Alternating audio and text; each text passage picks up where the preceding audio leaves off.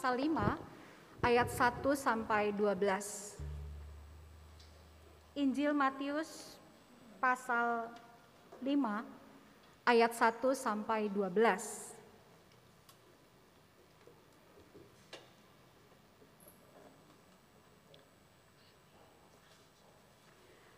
Jika ibu bapak dan saudara-saudara sudah mendapatkan bagian tersebut, Matius 5 ayat 1 sampai 12. Sekarang mari kita bersama-sama merendahkan diri di hadapan Tuhan. Kita berdoa. Dengan penuh ungkapan syukur kami datang ke hadapan-Mu ya Tuhan. Bersama-sama dengan kekasih-kekasih kami, baik yang hadir di gedung gereja ini maupun di rumah masing-masing atau di tempat-tempat lain kami bersehati.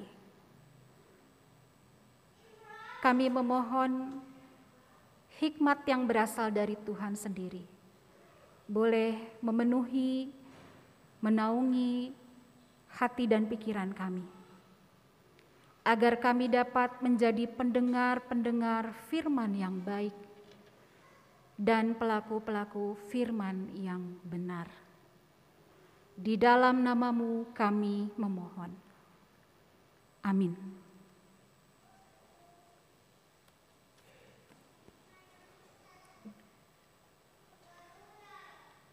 Matius pasal 5 ayat 1 sampai 12 saya akan bacakan untuk kita semua.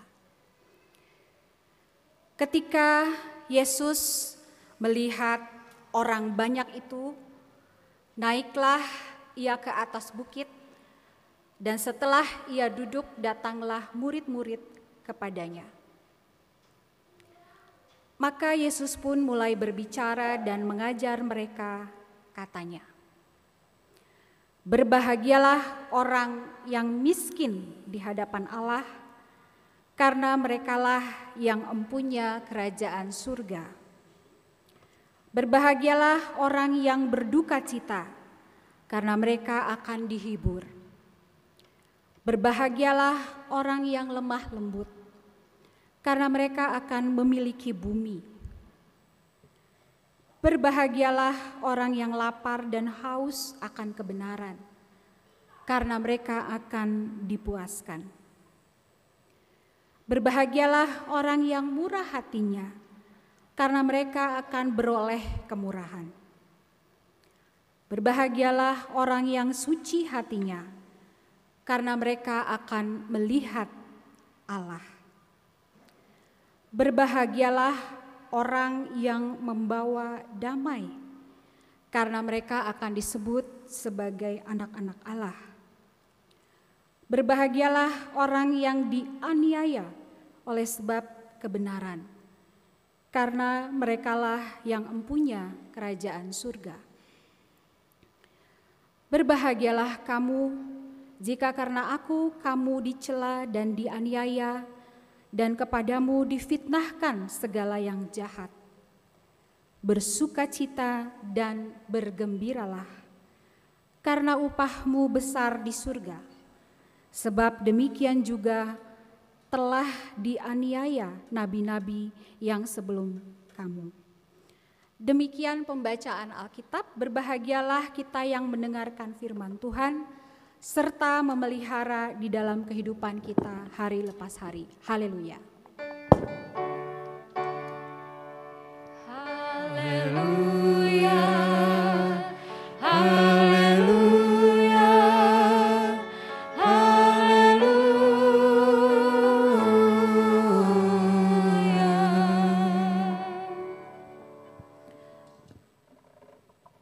Ibu bapak dan saudara-saudara, bacaan Alkitab kita pada pagi hari ini bukanlah sesuatu bacaan yang uh, jarang ya, bahkan mungkin sudah sering kita baca bersama. Tapi kita perlu memberi perhatian khusus supaya kita bisa memahami apa yang dikehendaki Tuhan untuk kita lakukan secara khusus pada saat ini. Satu pertanyaan yang uh, muncul adalah apa artinya menjadi bahagia? Apa artinya menurut Bapak Ibu menjadi bahagia?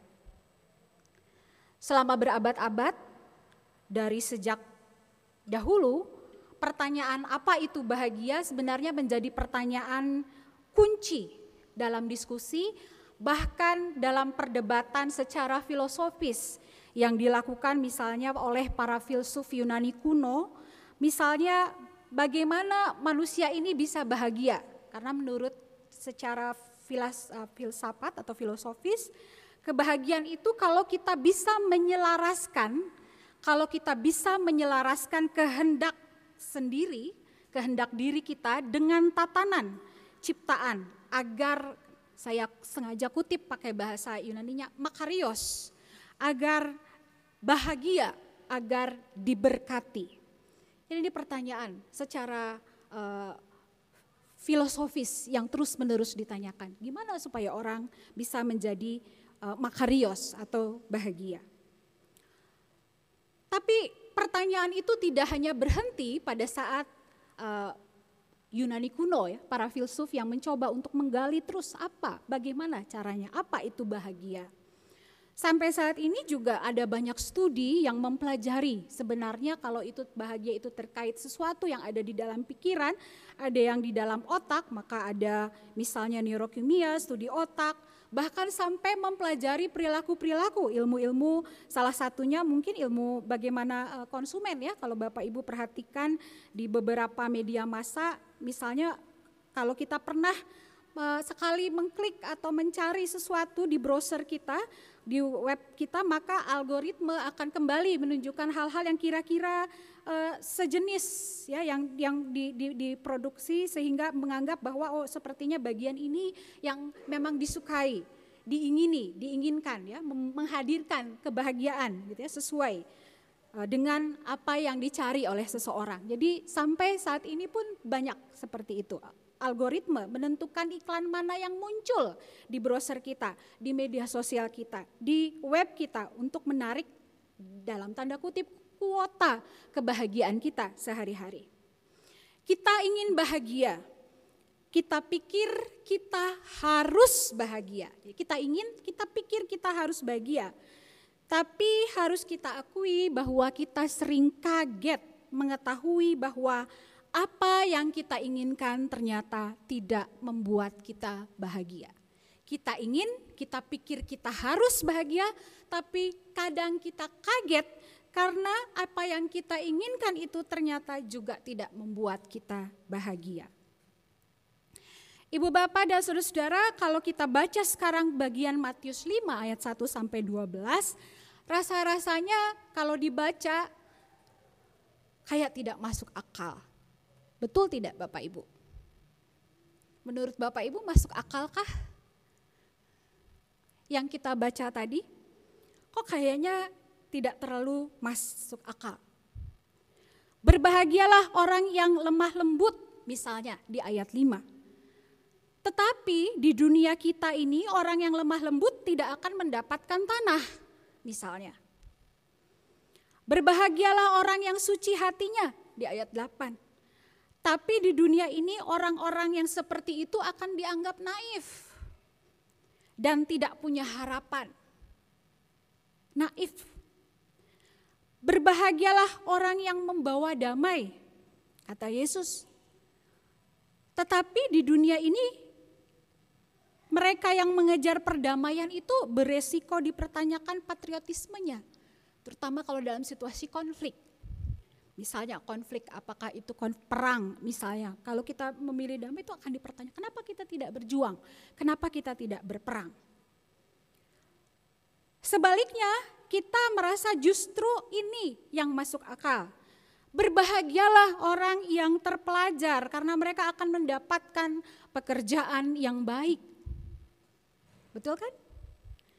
Berbahagialah orang yang punya relasi dengan orang penting atau dengan penguasa atau dengan pemimpin karena aspirasi mereka tidak akan luput dari perhatian. Kalau kita bukan siapa-siapa, kita berteriak-teriak tidak akan terlalu didengar.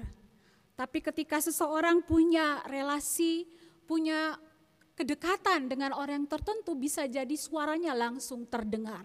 Aspirasinya langsung ditangkap.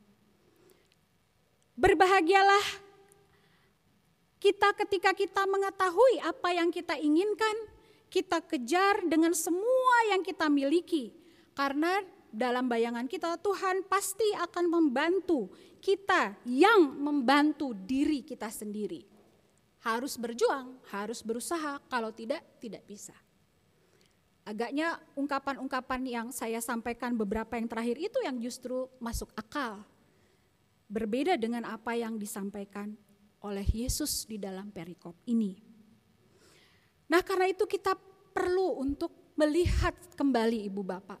Lalu apa yang dimaksudkan? Apakah berarti kita sebagai seorang pengikut Kristus ini harus menjadi orang yang aneh dan tidak masuk akal? Bagaimana kita mengikuti ungkapan-ungkapan yang dari ayat tadi kita baca ucapan-ucapan bahagia tersebut.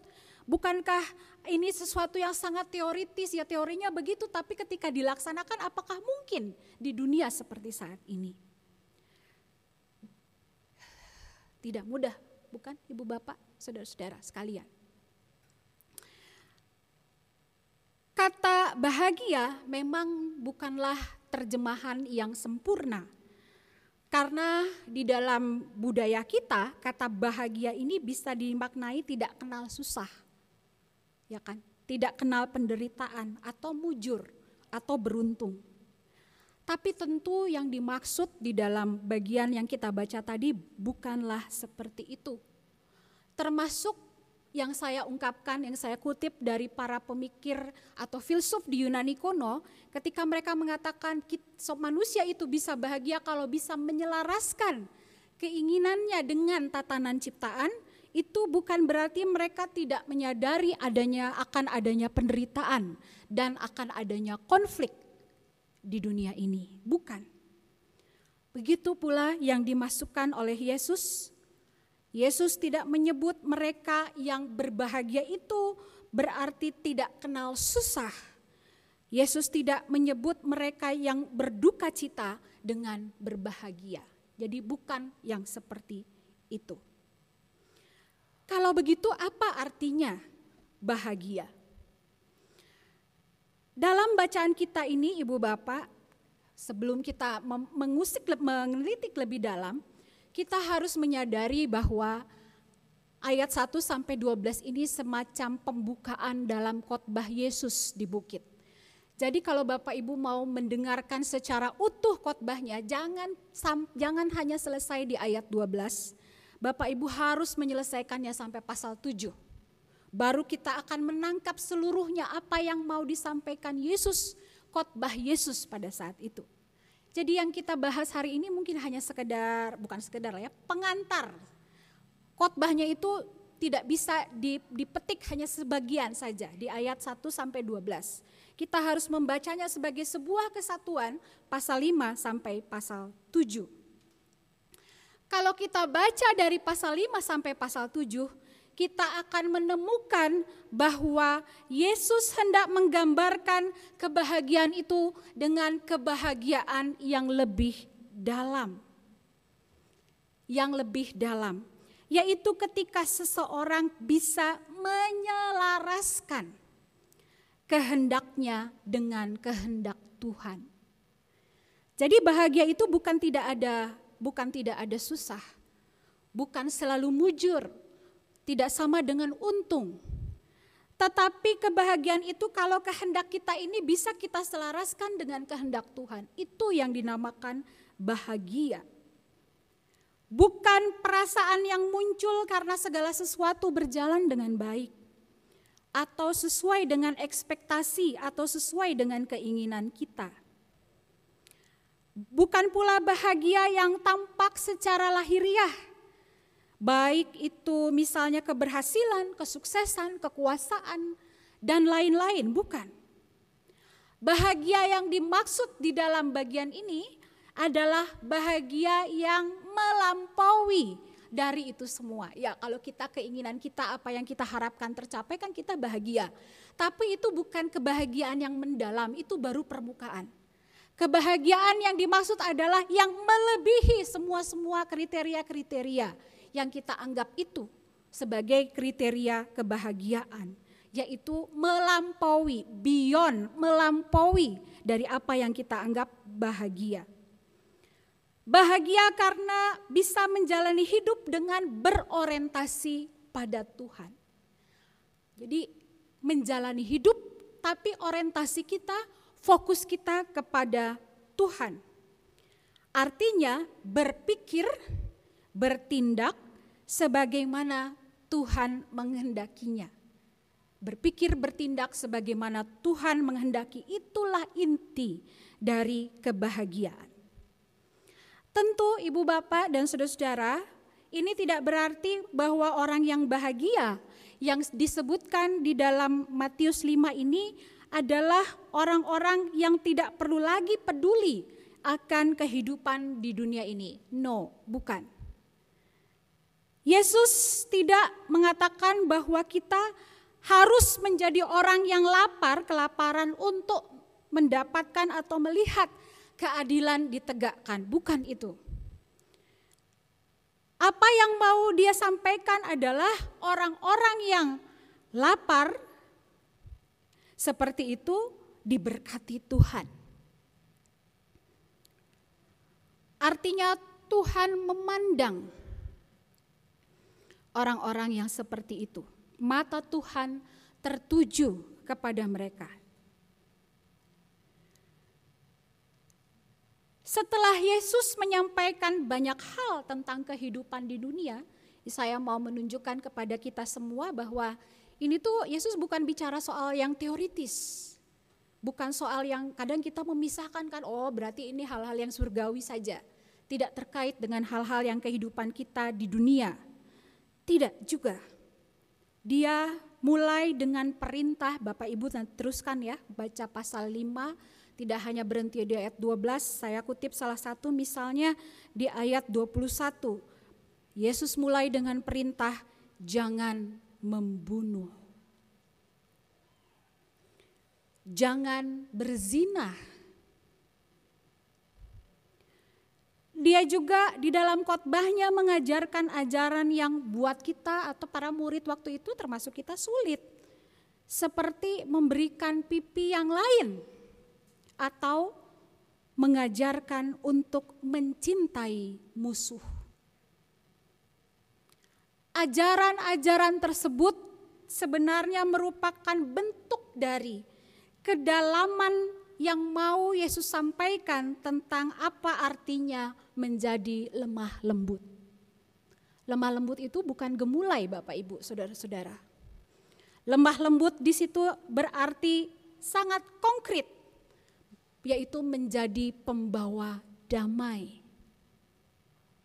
Menjadi pembawa damai, menjadi suci hati. Jadi itu sebabnya kita nggak bisa hanya membaca ayat 1 sampai 12 supaya kita bisa memahami maksud Yesus dalam ucapan-ucapan bahagia itu. Karena di bagian berikutnya, perikop berikutnya, dia akan menjelaskan apa maksudnya. Misalnya tadi ya, Berbahagialah orang yang lemah lembut. Dia sampaikan, dia jelaskan seperti apa orang yang lemah lembut itu. Seperti apa orang yang membawa damai, seperti apa orang yang uh, suci hatinya. Ibu bapak dan saudara-saudara, Yesus menyampaikan bahwa kebahagiaan itu bukan hanya sekedar cara melihat, bukan hanya kognisi, kognitif, tetapi cara hidup artinya konkret, bisa dilakukan, bisa dipraktekkan. Cara hidup yang akan mendorong seseorang untuk memiliki kerendahan hati, mencari keadilan, dan mencintai belas kasihan. Keadilan mewujudkan kasih. Kita tidak akan pernah bisa bahagia dalam arti seperti yang dimasukkan di dalam Matius 5 ayat 1 sampai 12 jika kita mengabaikan atau meremehkan penderitaan orang lain. Sekali lagi, kita tidak akan bisa mencapai, mendapatkan, merasakan kebahagiaan seperti yang disampaikan di ayat 1 sampai 12 perikop tadi kalau kita abai terhadap penderitaan. Abai terhadap orang lain, tidak peduli dengan keberadaan orang lain. Khotbah di bukit bukan tentang membuat pilihan antara yang surgawi dan duniawi. Bukan. Tetapi keduanya tidak dapat dipisahkan. Wujud kita mengasihi Allah, mengasihi Tuhan akan terlihat dari apa yang kita lakukan terhadap sesama kita, terhadap semesta yang dipercayakan Tuhan kepada kita. Karena itu bukan pilihan.